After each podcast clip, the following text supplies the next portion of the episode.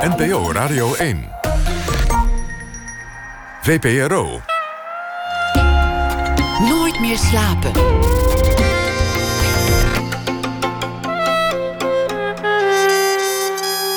Met Pieter van der Wielen.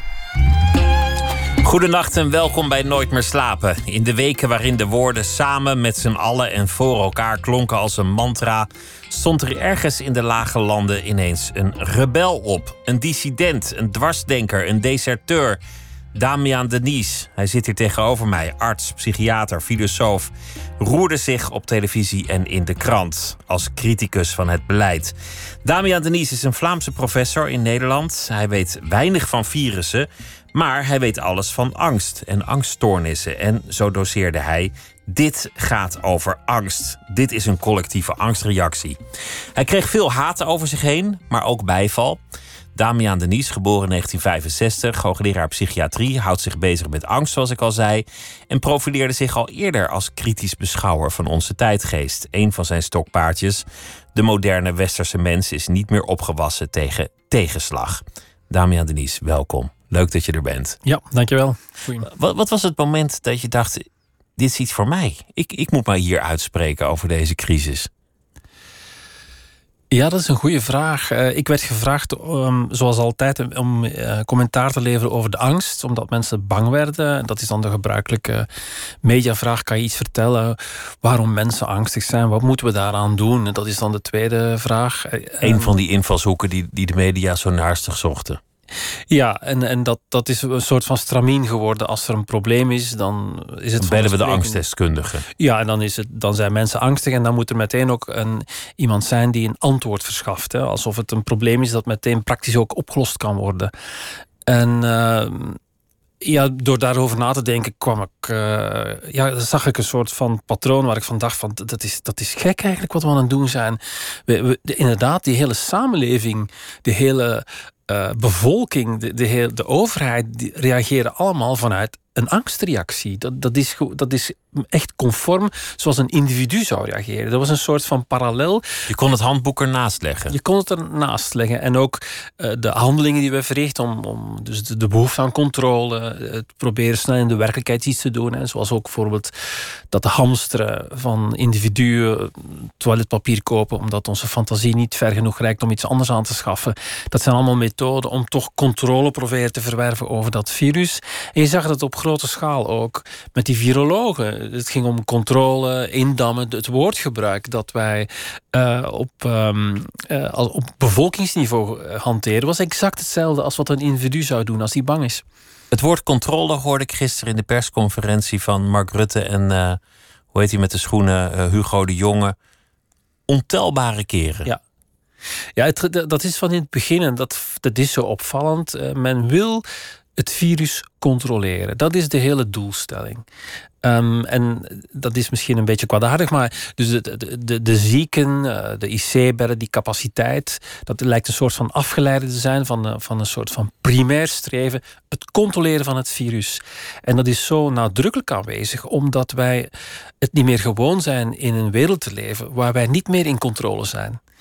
Dus de, behoefte aan controle is, staat in verhouding met je verlangen en je afhankelijkheid van controle.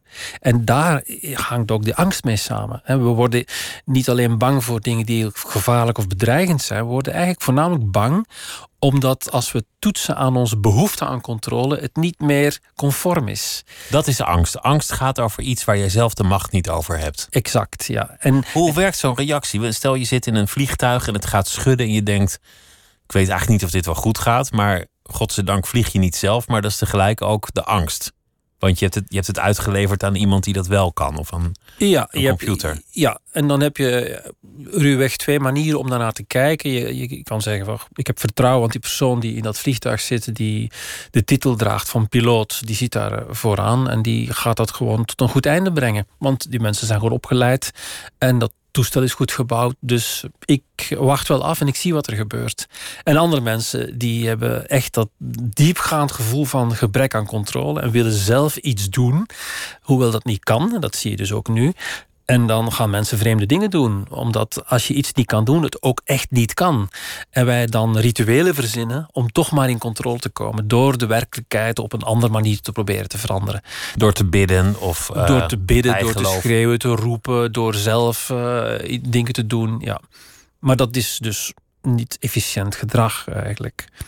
In dit geval zag je dat ook wel, dat veel mensen ineens een, een hoog vertrouwen in, in de leiders aan de dag legden. Mensen zeiden ineens, nou ja, er zijn virologen. Ja. De leiders op hun beurt, die, die wezen naar de deskundigen, de wetenschap. Wij volgen de wetenschap. Ja. Iedereen zoekt naar iemand die het wel zal weten. Ja, inderdaad. Dus wij, zijn op zoek naar. Uh, Lacan heeft daar een heel mooie term voor. Een oude Franse analyticus die sprak in het Frans van le sujet supposé savoir. Als we dus bang zijn of als we de controle verliezen, dan creëren we een persoon of een instantie waar wij van denken dat die het weet. En ieder doet dat voor zich. Hè. Wij doen dat uh, in de persoon van Rutte. Rutte doet het in de persoon van de RIVM-directeur. De RIVM-directeur die kijkt dan naar een Chinees deskundige... en die kijkt dan weer naar een wetenschapper... die ooit in de New England of eh, Medicine heeft geschreven. Wij projecteren voortdurend onze onwetendheid op een persoon... waarvan wij denken dat hij het wel weet. Niemand wist het, niemand kon het ook weten, want dit is echt een nieuwe situatie. Een nieuw virus waarvan we de eigenschappen niet heel goed in kaart hebben kunnen brengen. We weten eigenlijk niet precies hoe zo'n epidemie zal verlopen met dit virus, et cetera. Je weet ook niet wanneer er een vaccin komt, dat werd gisteren ook nog gezegd die onwetendheid, dat is het onverdraaglijke. Ja, dat is het probleem. En, en, op tweeërlei wijze. Sowieso is voor mensen onwetendheid onverdraaglijk. Uh, omdat wij graag willen weten wat er gebeurt, wat er zich in de toekomst gaat ontwikkelen. En mensen zijn. Uh, ooit een neurowetenschapper heeft dat mooi omschreven. Die zegt eigenlijk mensen, dat zijn een soort van. Um, anticipation machines. Wat wij continu als mens doen, is proberen vat te krijgen op de werkelijkheid door die te voorspellen. En hoe adequater mijn voorspelling, de rustig, dus de rustiger ik als persoon word. Als ik iets ga doen in de toekomst en ik ga op vakantie, of huwen, weet ik veel, een huis kopen, dan wil je vat erop krijgen en dan ga je vooraf proberen dat je voor te stellen, te verbeelden, te anticiperen. Dat, zijn al die grafieken die we nu zien de hele Ja, en dat is wat wij nu ook doen. Al die modellen, die zijn gebaseerd op gegevens. Uh, die gegevens zijn natuurlijk niet accuraat, omdat we het virus niet kennen. Dus dat zijn allemaal veronderstellingen. Maar wat zo interessant is aan mensen, is dat ze aan die modellen een realiteit toekennen, ook al is het fantasie, om toch maar de geruststelling te ervaren. En een model is niks anders dan data die je eraan toevoegt. En als je data niet hebt, dan wordt het model minder ja, betrouwbaar. Precies, want die data die zijn dan ontleend van andere virussen, andere epidemieën, historische data of data van hele kleine samples die je dan veralgemeent, waarop je dus modellen bouwt. Maar die modellen, ja, die voorspellen iets in de toekomst en die hebben natuurlijk uh, lacunes, tekortkomingen. Op zich begrijpelijk. Nou, het, het nieuws van vandaag. Gisteren de persconferentie. Vandaag werd erover doorgedebatteerd. En nu werd gezegd: grote evenementen, popconcerten, festivals, etc. zullen er pas weer zijn als er een vaccin is. Interessant, omdat je niet weet wanneer dat vaccin er komt. Dat, dat zou snel kunnen zijn, zou mooi zijn. Kan ook zijn dat het er pas over jaren komt. Maar ook interessant, omdat eerder groepsimmuniteit het hoge doel was. Dus ineens is het doel verschoven. Ja, dat, daar zit een soort van inconsequentie in, zou je kunnen zeggen. Um, als je naar de cijfers kijkt en je kijkt naar de mortaliteit onder de 30. Stel dat je zou aannemen dat de meeste mensen die naar een festival gaan, dat het tot 30 is, eventueel tot 40, maar nadien houdt het misschien wat op. Als je gaat kijken naar die bepaalde bevolkingsgroep die festivals frequenteert, dan zijn, zijn de, is de ziektelast heel laag. En de, de sterftecijfers zijn ook heel, heel laag. Dus daar zou je dus de, de gok kunnen nemen. Als die groep een beetje uh, natuurlijk op zichzelf blijft. Dat die allemaal naar concerten zouden kunnen gaan. En dat je dus zegt, waarom laat je die mensen allemaal niet besmetten? Waardoor dat ze inderdaad een soort van groepsimmuniteit creëren. Dan moet je wel voor zorgen dat ze niet andere mensen infecteren. Maar goed, meestal zijn die concerten of die, die, die uh, festivals in de vakantietijd. Zou je kunnen zeggen, blijf dan ook eventjes twee weken als je ziek bent gewoon binnen. Ga op vakantie, blijf thuis. En dan zou je dus zoiets kunnen creëren als een groepsimmuniteit, althans bij jongeren. En dat zou dus een basis kunnen zijn. Je, je moet als overheid denk ik wel iets doen. Afgelopen februari, maart, er komt ineens een onbekend virus. Mensen worden ziek. Je ziet beelden uit Italië van IC's die overstromen. Je weet eigenlijk heel weinig, maar je kan denk ik moeilijk als politicus zeggen: jongens, wij weten het ook niet. Succes. Nee, natuurlijk niet. Je moet iets doen. Um, het, het, het, het, is wel een beetje een nadeel van onze tijd, vind ik, dat um, politici snel de neiging hebben om te denken dat uh, er iets moet gedaan worden. Wij leven in een hele pragmatische tijd. Dus de efficiëntie van het beleid wordt afgemeten aan de daadkracht van uw activiteit. En dat leidt niet altijd tot de meest redelijke overwegingen, want in sommige gevallen kan afwachten ook een optie zijn. Maar dat wordt lastig of heel moeilijk getolereerd door de bevolking. Dat zie je bijvoorbeeld bij de aarzeling die ze hadden met het, uh, het, het, niet sluiten van de scholen. Dat, wetenschappelijk gezien was er weinig reden toe om dat te doen. En de deskundigen zeiden ook, de scholen hoeven niet gesloten te worden. Maar onder druk van de publieke opinie heeft men dat wel gedaan. En dat zie je nu opnieuw met die hele mondkapjesdiscussie. Dat is echt een symbool geworden van een soort van veiligheidsgevoel. Ook al is er weinig uh, redelijke argumentatie om aan te nemen dat dat zeer effectief is wordt dat toch steeds meer gebruikt, omdat het een gevoel van veiligheid verschaft voor de persoon die dat mondkapje draagt. En uh, langzaamaan verdwijnt die redelijkheid. Dus ik, ik zie wel dat de overheid op basis van redelijke normen een afwachtende houding zou durven aannemen, maar uiteindelijk overstag gaat onder druk van de publieke opinie. Ze moeten toch iets doen. Ja, en dat, dat wij verwachten dat mensen iets doen. En dat is niet altijd zo efficiënt. En dat, dat is een patroon dat niet alleen herkenbaar is bij deze crisis, maar bij elke crisis. Als uh, iets gebeurt in Nederland, dan moet er iets gedaan worden. Dat wil zeggen, een commissie instellen, onderzoeken, schuldigen vaststellen, een rapport maken. Handelen. En iets, ja, handelen. Het nadenken, dat wordt niet meer beschouwd als een handeling. Dat is interessant, want bij de oude Grieken, bij Aristoteles bijvoorbeeld, was het denken was de hoogste act van het handelen. Dus filosofisch gezien was voor de Grieken uh, denken ook een vorm van handelen. Maar de hoogste creatieve vorm. Maar wij maken daar een splitsing. Wij vinden maar ze zullen toch ook wel nagedacht hebben? Het zal toch niet alleen maar handelen zijn geweest, hoop ik? Er is absoluut nagedacht. Maar soms kan je de vraag stellen of je niet bij het denken moet laten en eventjes eh, het handelen uitstellen totdat je iets meer gegevens hebt, tot je iets meer ervaring, iets meer kennis hebt. Maar goed, dat, dat is ingewikkeld. En natuurlijk, ik denk dat uh, de Nederlandse overheid goede keuzes maakt. Het is alleen lastig. Je ziet ze worstelen. Omdat de bevolking verwachtingen heeft. Omdat het virus moet ingedampt worden. Je bevindt je ook nog eens in een internationaal context. Je kan niet als land in je eentje eh, reageren. Dus er zijn heel veel variabelen die een rol spelen in het vinden van een adequate beslissing en adequaat beleid uitvoeren. Je noemde de proportie. Dat is natuurlijk een vraag die je nu heel veel ziet opkomen. Is Ja. dit allemaal in proportie? Het aantal ziektegevallen, het aantal besmettingen, het aantal doden en de last die je legt op de samenleving en op de economie. Ja. Is dat met elkaar in verhouding? Is dit eigenlijk nog een redelijke reactie?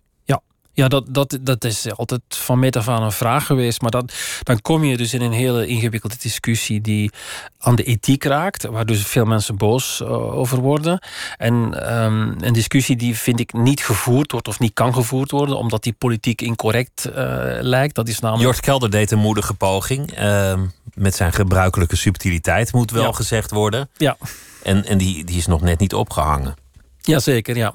Het punt dat hij maakt is, is denk ik terecht. De manier hoe hij dat formuleert is natuurlijk een beetje uh, controversieel en uitdagend. Maar uiteindelijk uh, is het natuurlijk wel, is die ethische discussie wel heel relevant. Hè? In welke mate is het zo dat de maatregelen die wij nu nemen, in welke mate zijn die in proportie met het aantal mensen dat ziek wordt en eventueel zal overlijden? Wat je, als je deze vraag stelt, dan zeg je, ik uh, ben bereid om een aantal mensen uh, ziek te laten worden en zelfs te laten sterven aan dit virus. Om ervoor te zorgen dat die maatregelen nog in proportie zijn. Met andere woorden, als ik dus kijk naar de lang, lange termijn gevolgen, naar de economische gevolgen, die ook gevolgen zullen hebben voor de gezondheid op lange termijn. En sommige mensen zullen werkloos worden, zullen misschien verslaafd worden aan alcohol, zullen minder goede geneeskundige zorg krijgen. Zelfdoding. Zelfdoding, er zijn heel veel voorbeelden. En omdat de maatregelen die wij nu nemen zo massaal zijn, een hele samenleving treffen en 17 miljoen mensen op een enorme lange termijn miljarden schulden maken, is dat ont, ontzaglijk groot. En die omvang daarvan leidt ertoe dat mensen zich moeilijk een beeld kunnen vormen van wat de impact daarvan is. Alleen maar dat het heel groot is. Maar toch is het heel lastig voor de overheid om af te wegen in welke mate je nu mensen moet laten sterven. Ik zeg het eventjes heel hard. Ten voordele van een, um, een, een, aantal maatregelen die wat minder streng zijn, waardoor dat je op lange termijn minder grote gevolgen creëert. Negatieve dan, dan zou je ook moeten berekenen hoe lang die mensen anders nog zouden leven als je toch dat pad opgaat. Ja, en die berekeningen worden gemaakt en dan kom je tot, tot bizarre cijfers. De meeste mensen die overlijden, die zijn ouder, 70, 80 jaar. De levensduur die, die ja, kan verwachten bij deze mensen schommelt tussen de 2, 3 à 4 jaar. En eh, sommige mensen berekenen het gewoon keihard. Hè. In Nederland is een leven ongeveer 3 miljoen waard. Dat, een heel leven? Een leven. Een jaar, een levensjaar, is 80.000 euro. Die berekeningen die zijn al lang bekend, ook voor het coronavirus. Als je, als je een medicijn op de markt brengt, dan gaat men uitrekenen wat de kostprijs van het medicijn is en een gewonnen gezond En als dat onder de 80.000 euro zit, dan zegt men: oké, dat is goed, dat, gaan we, dat hebben we ervoor over. Maar is dat veel duurder dan 80.000 euro, dan zal men daar bezwaar tegen maken. Dus daar zijn al heel lang discussies gevoerd waar precies de grens ligt. Dit is in Nederland. In Bangladesh is een leven 5000 euro waard. En zo zie je ook hoe dat internationaal een, een verschillend criterium wordt gehanteerd. Maar dat werd niet als kies beschouwd in, in deze crisis om zo te gaan rekenen. Maar het gebeurt eigenlijk altijd al dus. Het gebeurt altijd, en dat was ook mijn punt. Uh, in, in, in een bepaald opzicht door deze discussie niet expliciet te durven maken, omdat het zogenaamd politiek incorrect is, zijn we wel een beetje hypocriet, omdat die discussie gewoon elke dag wordt gevoerd in de geneeskunde. Ik ben geen viroloog, maar ik ben wel arts. Ik zie elke dag dat in Nederland is, dat er een keuze wordt gemaakt voor wie wel en niet mag sterven. Dat doen we veel implicieter, maar die is er ook. Eh, jonge meisjes met anorexia nervosa die niet ergens op een bed terecht kunnen omdat er te weinig wordt geïnvesteerd in die afdeling, die gaan ook dood. Dus die, die, eigenlijk maken we die keuzes al. Maar die, die zijn verweven in onze samenleving en niet zo zichtbaar. En nu plotseling wordt dat heel expliciet en deinzen we daarvoor terug. Niemand durfde die discussie aan te gaan en, en andere vragen. Ook, ook viel me op in de media. Weinig. Aan, aan de talkshowtafels. Ook in de media is het heel lastig, um, merk ik ook. Op het moment dat je daar iets durft over te zeggen, dan gaan mensen zich opnemen, opeens verschuilen en dan, is er, dan spreekt men het heilige woord uit. Iedereen moet gered worden. Dat, dat is waar men uiteindelijk op terugkomt. Elk mensenleven moet worden gespaard. Nou, als dat kan, ja. Maar je mag niet op lange termijn honderden mensenlevens in de weegschaal leggen voor diegene die je nu wilt redden. En dat bespreken, dat is volstrekt onmogelijk. Ook omdat je niet precies weet hoe snel zo'n ziekte zich zal verspreiden. Je weet dus ook niet precies hoeveel mensen er zullen sterven als je weinig of, of geen maatregelen neemt. Er zijn, er zijn zoveel onzekerheden. Zeker, maar het is ook geen pleidooi om geen maatregelen te nemen. Het Meer afgewogen. Het dat pleidooi, dat ik, dat ik uh, voerde was... laat op zijn minst een debat voeren. Ten eerste uh, om te kijken wat de impact is op alle verschillende sociale domeinen die nu niet aan bod komen. Wat is de impact van deze maatregelen op uh, het cultuurwezen, op de economie, op de gezondheid, de reguliere gezondheid? Laat ons dat in kaart brengen en laat ons dan kijken wat de verschillende belangen zijn. En tenminste het debat voeren, omdat dat een debat is dat iedereen in deze samenleving aangaat. Niet alleen de virologen, niet alleen de politiek en de overheid. Hier zitten we nog wel tien jaar aan vast. Ja, dat zou kunnen. Kijk, dat hangt inderdaad ook af Althans, hoe snel zo'n vaccin er komt. Maar dat zal toch anderhalf, twee jaar duren. En als je, ik, ik bedoel de, de economische gevolgen. Dat, dat, gaat zeker tien jaar, ja. Dat wordt nu al berekend dat uh, de economische gevolgen makkelijk 10, 15 jaar kunnen duren. En dat zal dus ten koste gaan van een jongere generatie... die nu al problemen heeft om zich staande te houden. Dus die ga je belasten met de keuzes die we nu maken. En uh, hebben we daar goed over nagedacht? Kunnen we, hebben we daar een discussie over gevoerd? Wat ik zo interessant ook vind, is dat die jongeren, die, die, die, die, die mensen tussen 18 en, en laten we zeggen 28 of 30, die, die, die dit zullen moeten dragen, die hoor je niet in deze discussie. Die komen niet aan bod. Niet in de media, niet in de politiek. En dat is eigenlijk de groep die het hardst zou moeten roepen. Omdat het hun aangaat, omdat zij ook de generatie zijn die het meest voor vernieuwing staan, die het hardst moeten nadenken over de normen en waarden waar zij zullen moeten mee leven. Dat was wel een van de interessante dingen in, in de kranten. veel artikelen van, van min of meer jonge auteurs over de impact op hun leven. En, en bijvoorbeeld singles die zeggen: We hebben een recht op seks, we kunnen geen one-night stands meer hebben. Mensen die zeggen: Ik kan niet naar mijn koffietentje en dat maakt deel uit van mijn identiteit. Mensen die zeggen: Ik, uh, ik word niet meer aangeraakt en dat vind ik vervelend, et cetera. Dat leidde hier en daar, en dat begreep ik ook wel, tot spot. Ja, dat, strekt natuurlijk niet tot aanbeveling om zo'n debat te voeren als je vanuit die invalshoek over dat probleem spreekt. Uh, dat was overigens het debat dat we voerden. Uh, Rianne Letcher, de, de, rector magnificus van de Universiteit van Maastricht, die zelf nog heel jong is, denk ik midden 40, de jongste rector eigenlijk die Nederland ooit gekend heeft, die zei zelf dat ze verbaasd was dat veel jongeren zich druk maken over hun compensatie. dus een beetje in de lijn van wat je zegt, dat, dat het gaat om kleine futiele dingen. En dat die, die hele grote discussie over die normen en waarden, dat die gewoon voor hen blijkbaar niet op hun netvlies staat. Of dat, dat er geen behoefte bestaat om dat ten bedde te brengen. Het deed me denken aan wat je eerder hebt geschreven: dat we geen tegenslagen meer gewend zijn. Ja, dit is nu wel een, tegenslag waar we mee kunnen oefenen, zou ik kunnen zeggen. Voor, voor nog grotere tegenslagen. Ja, maar dat, dat is waar. We leven. Dat, dat is de paradox ook die, die mij zo fascineert. Nederland behoort tot de vijf gelukkigste landen ter wereld. Van 158 is ontzaglijk rijk. De kwaliteit van leven is ja, op en top bedoel ik. Als je kijkt naar de, het onderwijs, eh, de, de, de gezondheidszorg, noem maar op, zit Nederland in de absolute wereldtop. En dus ondanks is het zo, ondanks het geluk en al die objectieve parameters die zo goed zijn, dat heel veel mensen in Nederland psychisch lijken te lijden. En er is een hoge burn-out, er is stress, er is eenzaamheid. Uh, bijna de helft van de Nederlandse bevolking voldoet aan het criterium van een psychische stoornis. En dat is dus een heel boeiende paradox. Hoe kan dat? Dat de welvaart waar wij nu in leven, dat die ervoor zorgt dat mensen zoveel psychisch lijden. En voor mij heeft dat iets te maken met het feit dat de, de, de noodzakelijke weerbaarheid die je moet opbouwen met tegenslagen, dat die dus niet meer dat die blijkbaar niet, dat dat niet meer lukt. Dat, dat we daar ja, um, te weinig mee hebben kunnen oefenen. Dat we dus een generatie hebben gecreëerd of zelf daartoe behoren waar het een beetje misschien te makkelijk gaat. Waar het te eenvoudig is, waar er te veel geld is, waar te veel mensen op vakantie kunnen gaan. En dat betekent dus dat je dus kwetsbaar wordt. En dat zie je dus ook in, in uh, tijden van zo'n crisis. Er zijn ook statistieken dat je noemde Bangladesh, maar er zijn andere landen, landen met conflicten, dat het aantal angststoornissen daar lager ligt het aantal gevallen van posttraumatische stressstoornis lager ligt, ook wanneer daar actief onderzoek naar wordt gedaan. Ja, er is, er is een studie die, die hebben gekeken naar de prevalentie, het voorkomen van uh, posttraumatische stressstoornissen over de hele wereld.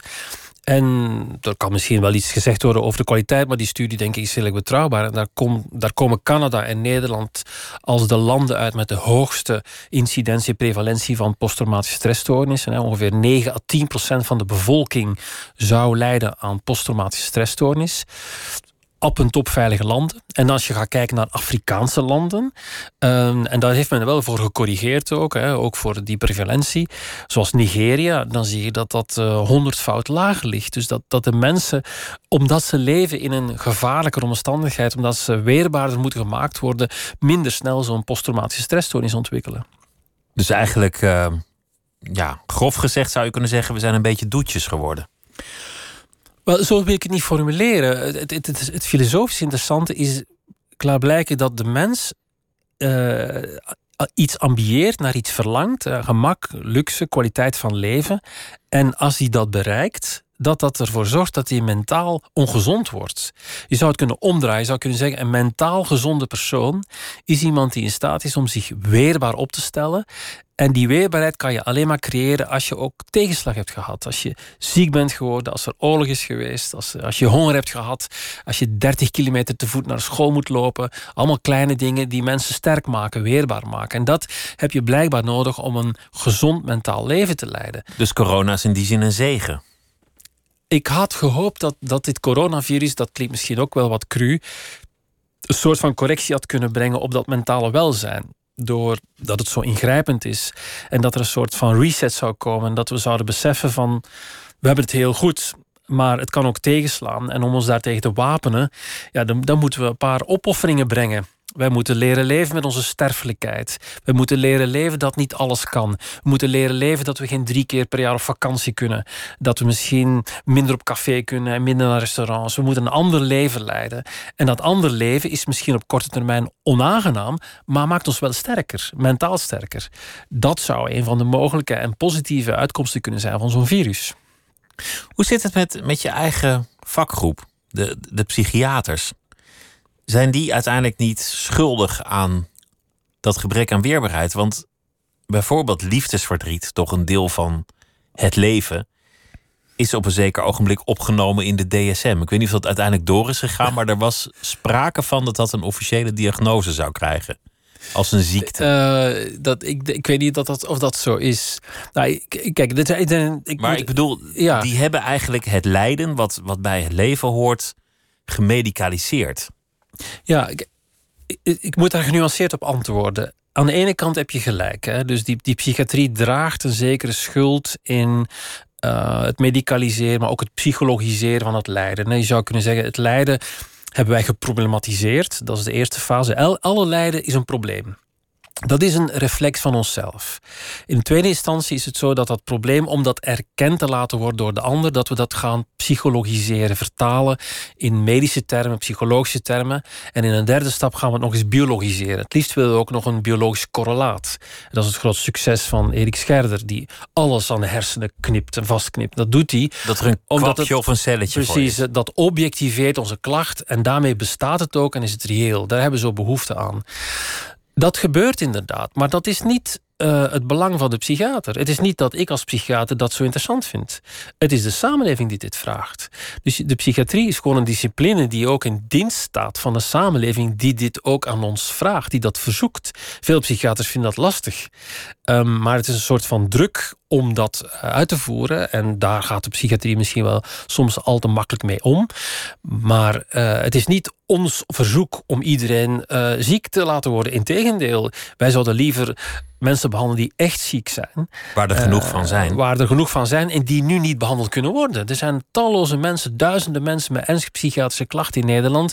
die niet aan bod komen omdat ze eigenlijk te zwak zijn om zich in dit systeem staande te houden. En die toch een beetje slachtoffer zijn van het feit dat wij iedereen willen behandelen voor wat lichtere mentale klachten. Lijden is deel van een geslaagd leven. Van, van een leven zoals je het zou moeten uh, leven. Je hebt, je hebt jazz meegenomen. Ja. Laten, laten we luisteren naar, naar Donald Byrd. Dat is, dat is zo'n mooi stuk. Cristo Redentor. Want die, die hoor je niet zo vaak. Waar, waarom spreekt dit je aan? Wat, wat, wat wil je hierover zeggen nog? Ik, ik, vind het een, fantastisch mooi nummer. Uh, je hoort het inderdaad zelden. En ik moet zeggen dat uh, die Cristo Redentor, daar zit een soort van religieuze connotatie in de titel. Um, en het is niet zo dat het religieuze mij zo aanspreekt, maar ik herken wel een soort van. Als ik dat nummer hoor, dan voel ik mij in hogere sferen. Het brengt iets, iets bij mij teweeg. Uh, die muziek is zo krachtig dat, dat het ja, mij in, in, in, in een, een sfeer brengt uh, die, die ja, religieus nogmaals voert te ver, maar die, die als het ware toch mij ver van deze aarde wegbrengt en, in, in een hogere soort van bestaan onderbrengt. Want dat heeft er natuurlijk ook wel mee te maken. Het, het gebrek aan perspectief, religie, doel. Een, een leven verlangen zonder lijden, omdat het leven niet in dienst staat van iets hogers. Ja, kijk, eigenlijk zou je als mens moeten het lijden accepteren. Het is essentieel voor het bestaan dat we lijden. Alleen is dat voor ons zo moeilijk omdat het contra-intuïtief is. Dat is, niet, dat is tegen onze natuur om het lijden te accepteren. Dus veel mensen hebben een religieus standpunt nodig om dat lijden te kunnen accepteren. En daarom is natuurlijk altijd religie zo belangrijk geweest in de afgelopen 2000 jaar. Religie is een ideologie die het duidelijk maakt dat je moet leren leven met dat lijden. En vanuit een religieus standpunt kunnen we dat accepteren. Maar we hebben die religie weggegooid en nu moeten we als individu zelf dat lijden proberen te accepteren zonder zo'n framework van religie of wetenschap of uh, andere ideologie. En dat is heel, heel ingewikkeld. Donald Byrd. Ooh.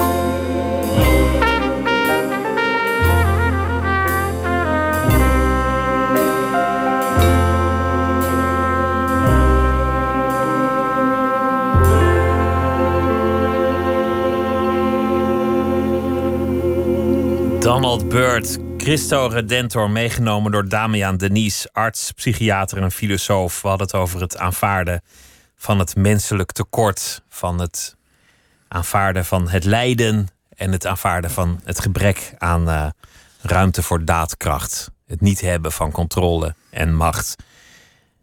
En toen noemde hij een aantal dingen die, die volgens mij ook het thema zouden zijn van het boek dat je aan het schrijven bent, dat binnenkort verschijnt. Maar nou hoorde ik via de uitgever dat je misschien toch het gaat aanpassen aan de actualiteit. Uh, er komt een klein stukje bij. Ja, het boek, de titel van het boek is Tekort van het teveel. En het was uh, net klaar eigenlijk voor uh, de crisis, of een, overlapte een week.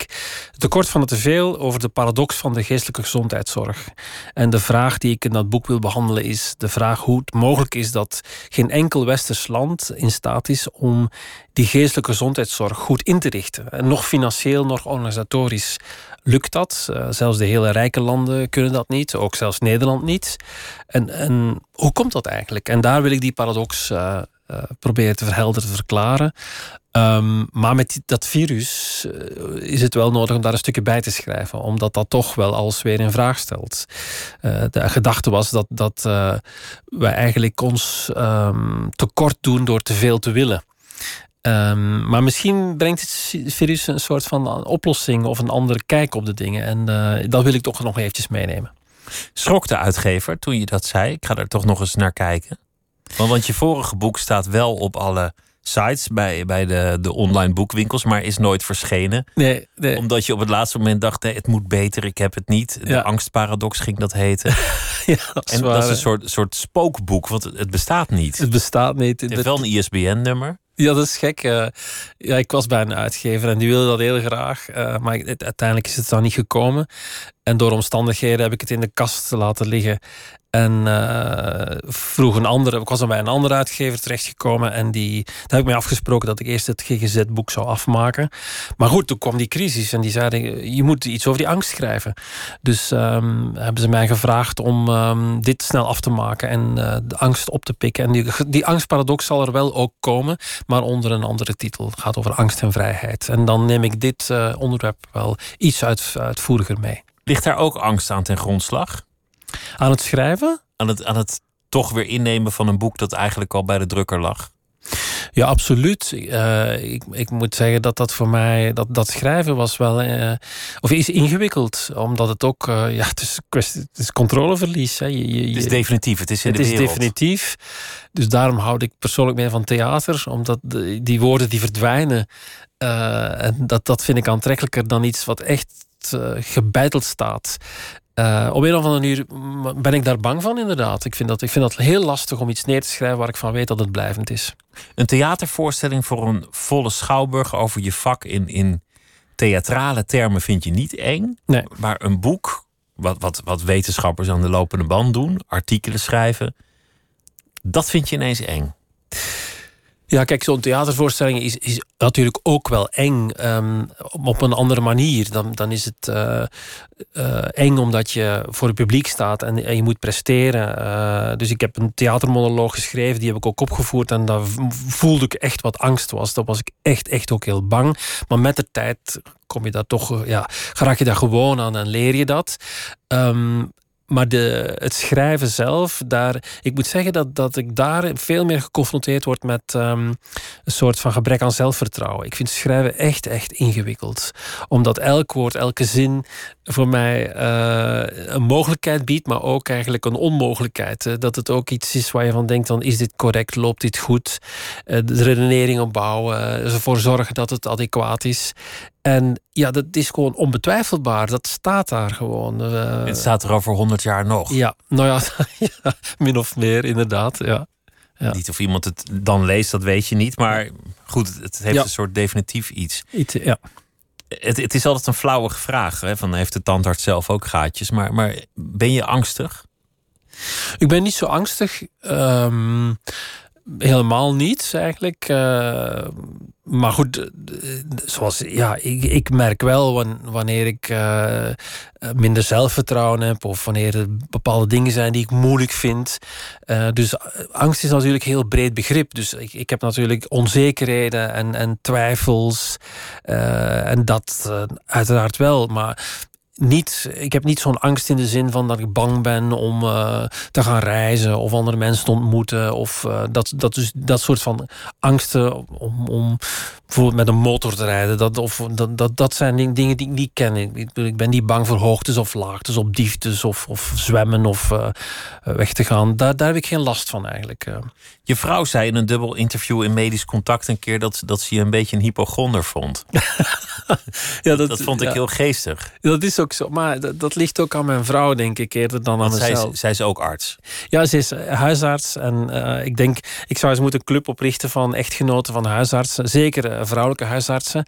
Die die tolereren geen zins dat hun man een klacht heeft. Dus als, als ik ergens iets heb, uh, dan moet ik altijd overdrijven om enige aandacht van mijn vrouw te krijgen. En dat dus, doe je dan ook? Dat doe ik dan en dat leidt soms tot hilarische situaties. Omdat ik ooit uh, uh, een keer ja, aan tafel met de kinderen erbij tegen mijn vrouw had gezegd van ja, ik, ik heb een, waarschijnlijk een tongtumor, kijk eens in mijn keel, omdat het totaal geen enkel aandacht had voor mijn klachten. En um, dan, een paar weken later kwam mijn vrouw schoolplein en werd ze aangesproken door een juffrouw uh, van een van de kinderen die zei: Oh, uh, ja, het is toch erg, uw man is zo ziek. En dus een van de kinderen had doorverteld dat ik een tongtumor had, maar dat was eigenlijk alleen maar om enige aandacht van mijn vrouw te krijgen. En ja, in dat opzicht moet je een beetje overdrijven om iets te kunnen van haar van aandacht krijgen of behandeling krijgen. Want alle klachten die ik heb, dat is allemaal, stelt allemaal niks voor. Ik zou een andere huisarts nemen. Gewoon, ja, dat, erbij. ja. dan, dan moet je dat niet binnen het gezin houden. Nee, dat is waar. En, en mannen die ziek zijn, weet ik zelf ook, die overdrijven dat altijd. Er wordt meteen een soort sterfscène. Ik weet het niet, ja, men zegt dat, hè, maar... De ja. male flu is, is heel berucht. Ja, maar ja, goed, mannen hebben een andere pijngrens dan vrouwen, dat is gewoon zo. Lager. Ja, dus ze hebben sneller klachten. Uh, want uh, wij zijn minder beschermd door uh, hormonen. Maar ja, goed, misschien is het ook maar een uitvlucht. Um, het is, ja, ik weet niet, het is een soort van mythe dat mannen sneller klagen als het ware, blijkbaar als ze ziek zijn. Of misschien minder mogen klagen ook. Mijn vrouw wil gewoon een man die niet klaagt. Ik denk, denk dat dat ook de kern van de, van de discussie is. Dat heeft misschien ook met rolpatronen te maken dan? Ja, misschien wel. Alhoewel ik het ook lastig vind dat zij klaagt hoor. Misschien hebben we dat allebei een beetje. En ik snap ook wel als je huisarts bent en elke dag komen 20, 30 mensen op de praktijk, dat je niet een man thuis wil hebben die ook nog eens klaagt over zijn hoofdpijn of buikpijn. Of zijn tongtumor. Ja, of zijn tongtumor, ja. Het is bekend bij, bij geneeskundestudenten dat, dat het zich al gauw splitste in twee. Degene die na het lezen van het handboek denken dat ze alles hebben, die bij elke ja. klacht bij zichzelf te raden gaan, hmm, zou ik dat ook kunnen hebben? En degene die een soort goddelijke status ontwikkelen dat zij als arts onfeilbaar zijn en dus ook nooit ziekte zullen kennen. Ja, ik, ik behoor duidelijk bij de eerste groep. eh. Die bij het handboek lezen denkt: shit, dat heb ik ook. Wel ja, dat is denk ik ja, tijdens mijn studie wel gemerkt van wauw, bestaat dat ook en kan dat ook. En dus inderdaad, ja, nee, dat in opzicht denk ik dat dat hypochonderen wel, uh, dat kan ik niet ontkennen. Daar zit wel zeker iets van in. Ja. In die laatste categorie hebben we in, in de aanloop naar deze crisis, niet zozeer in Nederland geloof ik, maar elders ook wel gevallen zien van, van, van artsen die zo'n afdeling opliepen zonder enige bescherming. Met een soort psychologische aura van ja, maar ik ben de dokter. Mij zal toch niks gebeuren.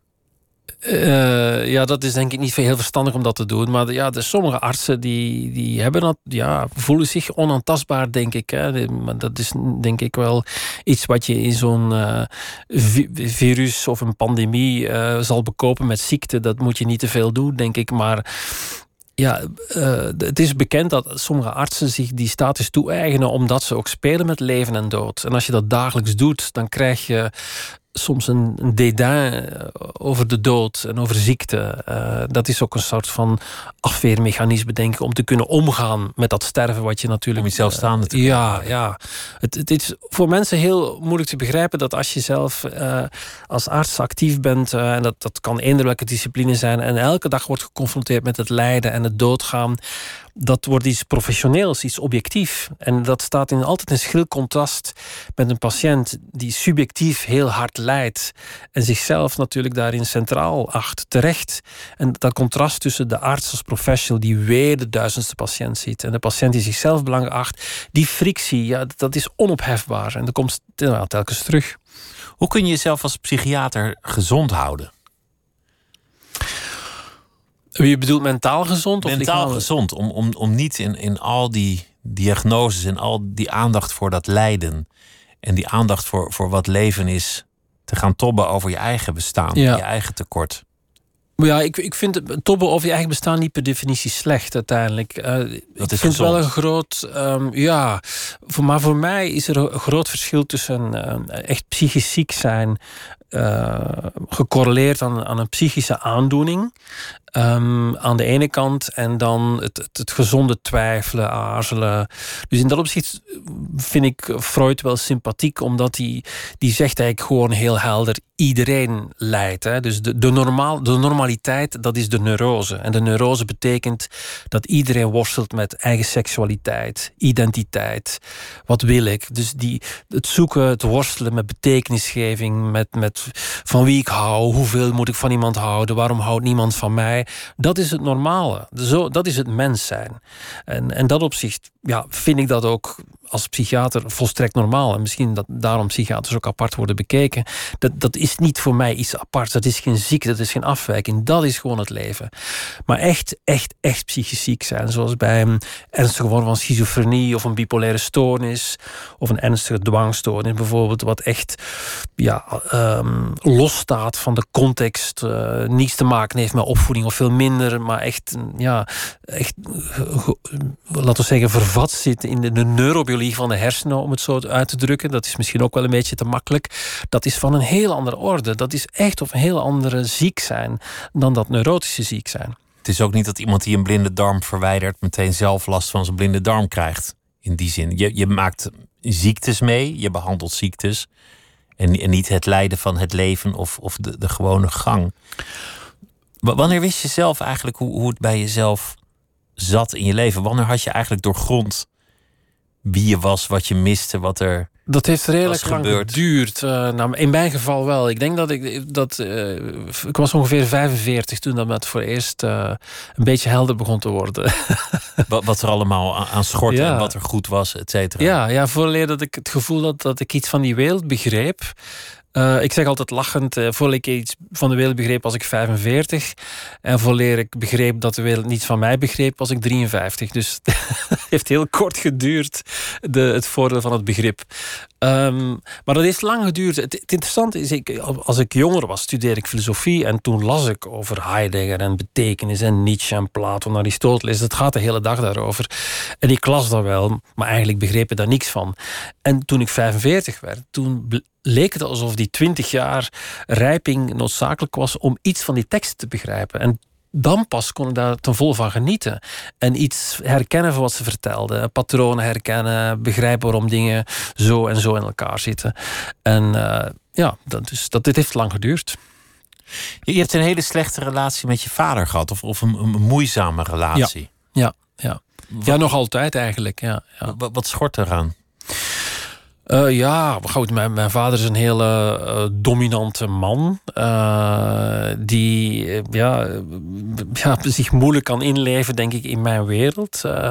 van jongs af aan eigenlijk al um, niet echt betrokken was met wat ik wilde, wat ik dacht als kind. En dan spreek ik echt van jonge leeftijd. Dus ik heb het gevoel dat ik vanaf mijn achtste, negende eigenlijk niet echt in contact met hem kwam. en dat hij mij voortdurend wees op tekortkomingen en eigenlijk ja, is daar nooit een soort van, voor mij, naar mijn gevoel, eh, een soort van positieve erkenning geweest van wie ik wilde zijn, wat ik wilde worden, vanaf jonge leeftijd al. En dat is eigenlijk ja, tot, tot nu toe zo gebleven. Hoe werkt dat door in de rest van je leven? Wel ja, dat, was voor mij uh, heel ingewikkeld, omdat ik daar uh, in het begin natuurlijk, voorleer dat je dat beseft, dat, dat ook een impact heeft op wie je bent. Dat duurt ook enige tijd. Uh, je moet er afstand van nemen. Je moet je realiseren dat dat, dat niet zo hoort. Want als kind denk je dat dat altijd zo is. Um, dus vooraleer dat je daar, dat, dat tot inzicht komt, duurt dat een tijdje. En dan zat ik met het probleem, met de vraag in welke mate dat zijn manier van verhouden tot mezelf uiteindelijk niet voor mij veel goeds heeft gebracht. Dat klinkt misschien ook wel wat Maar ik heb het gevoel dat, dat de energie die ik stop om dingen te doen, het schrijven, het manifesteren van mezelf, het proberen creatief te zijn, dat dat veel te maken heeft met het proberen uh, op te vullen van een tekort. Uh, en proberen een, een, verlangen te bewerkstelligen. Dat zijn oorsprong vindt in het feit dat juist niet, nooit iemand naast mij heeft gestaan. die heeft gezegd: van kijk, dat doe je goed. of ook daarin bevestigd. Dus zijn afwezigheid is voor mij ook, denk ik, een reden om proberen gewoon op een, op een goede manier mij te verwerkelijken in deze wereld. Een fantoomgevecht. Nou, het is geen fantoomgevecht. Het dus de, als je de vraag stelt, ja, die, afwezige vader, is dat slecht of is dat goed? Het is uh, onaangenaam, omdat je emotioneel, denk ik wel, niet helemaal volwassen geworden bent op een manier zoals het zou moeten. Maar het is aan de andere kant ook wel positief, omdat het je in een richting drijft en je een soort van impuls geeft. Uh, waardoor dat je probeert jezelf ja, gewoon op een goede manier te verwerkelijken. En dat vindt zijn oorsprong, denk ik, in dat tekort. Dat is, dat is net als de jazzmuziek die je net laat horen. Dat veel van die mensen, als je de biografieën leest of de documentaires ziet, getormenteerde levens hebben geleid. Als, als tweederangs burgers in een Amerika dat nog segregatie kende, bijvoorbeeld. En dat ze, dat ze op de een of andere manier hun tegenslag, hun zware leven, hebben omgezet in, in hoge kunst, in zelfverwezenlijking. Ja, je ziet het dikwijls. Ja, ik wil het ook niet romantiseren hoor. Dat is, er schuilt ook een gevaar in. Uh, en het omgekeerde is ook niet waar. Maar het is wel zo dat mensen ja, die creatief zijn of, of uh, proberen zichzelf te overstijgen. Wat het ook mogen betekenen, kan ook iets heel klein zijn. Dat dat uh, veel te maken heeft met toch een, een tekort, met een lijden, met iets wat, wat niet goed zit. Dus dat, dat lijkt als het ware met elkaar toch een beetje samen te gaan. Um, en ja, ja, en dan kom je natuurlijk automatisch bij jazzmuzici. Uh, uh, en het, misschien bij het volgende nummer van iemand die daar een schoon voorbeeld voor is. Van, van uh, Miles Davis. Van Miles Davis, inderdaad. Ja. Zullen we daar een klein stuk van, van doen? Gewoon, gewoon alleen de beginakkoorden ja, van, van Blue and Green.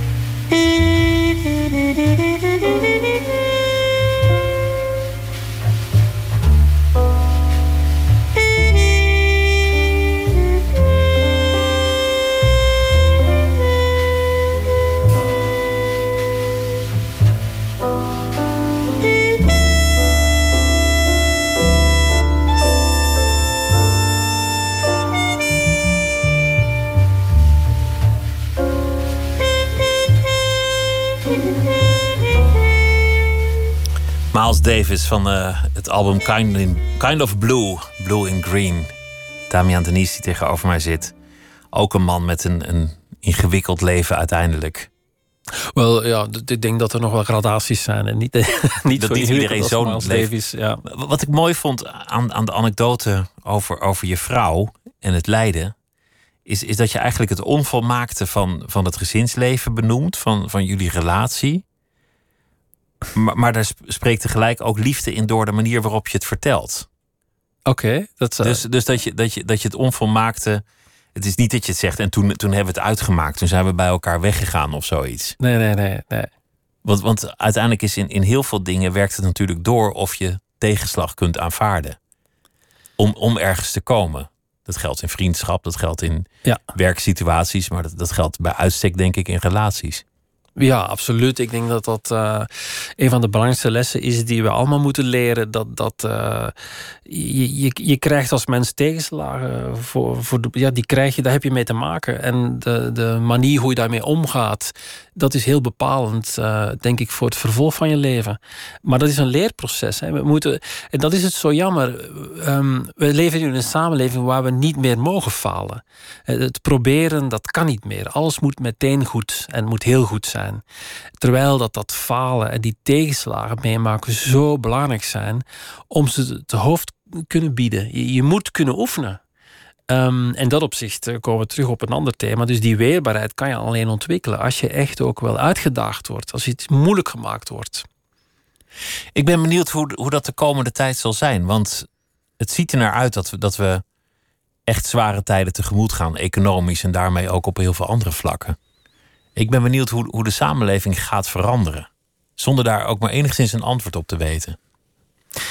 Ja, ik deel de, die nieuwsgierigheid. Ben ook heel benieuwd. Eh, ik hoop niet dat we vervallen in, in een soort van plat uh, uh, pragmatisme waar het draait om geld. Maar dat er een soort van kanteling komt en dat er misschien toch op een andere manier wordt gekeken naar het bestaan dat we nu leiden. En dat bepaalde normen in vraag worden gesteld. En dat het aanleiding zal geven tot nog meer creativiteit en meer vernieuwing. Creativiteit heb ik wel veel gezien de laatste weken bij, bij heel veel mensen. Ja, inderdaad. Dat het, is, uh, het, het, leidt tot solidariteit en creativiteit. Nu nog, een, nu nog een beetje samen zitten. Maar er komt waarschijnlijk een tijd waar er meer. Waar de competitie toeneemt. Ja, waar de competitie zal toenemen. Omdat sommige mensen er beter zullen bij ervaren dan bij anderen. En dan is maar de vraag of we dat in stand kunnen blijven houden. Het wordt spannend. Dank je wel dat je langs wilde komen. En dank dat je roert in dit. Uh debat in deze ingewikkelde tijden. En ook uh, dank voor Donald Burt en Miles Davis. Damian Denies, dankjewel. En uh, ga aan de slag met dat boek. En laat het gewoon snel uh, verschijnen. Slingeren het de wereld in. Dan kan iedereen het zelf lezen. En dit was Nooit meer slapen voor vannacht. En morgen zit hier Lisbeth Staats. En die gaat in gesprek met Alfred Burney vanwege zijn nieuwe roman. En dat is het uh, vervolg op zijn veelgeprezen tolk van Java. En straks in Miss Podcast is Maxime Februari te gast met uh, mooie audiofragmenten. En ik wens u allemaal een uh, goede nacht.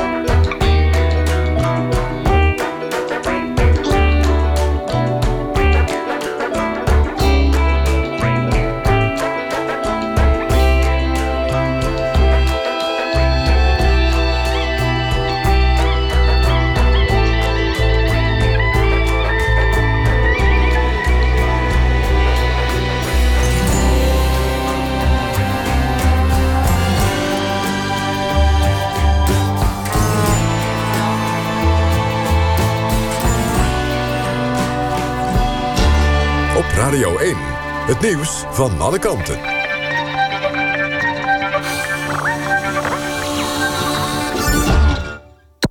NPO Radio.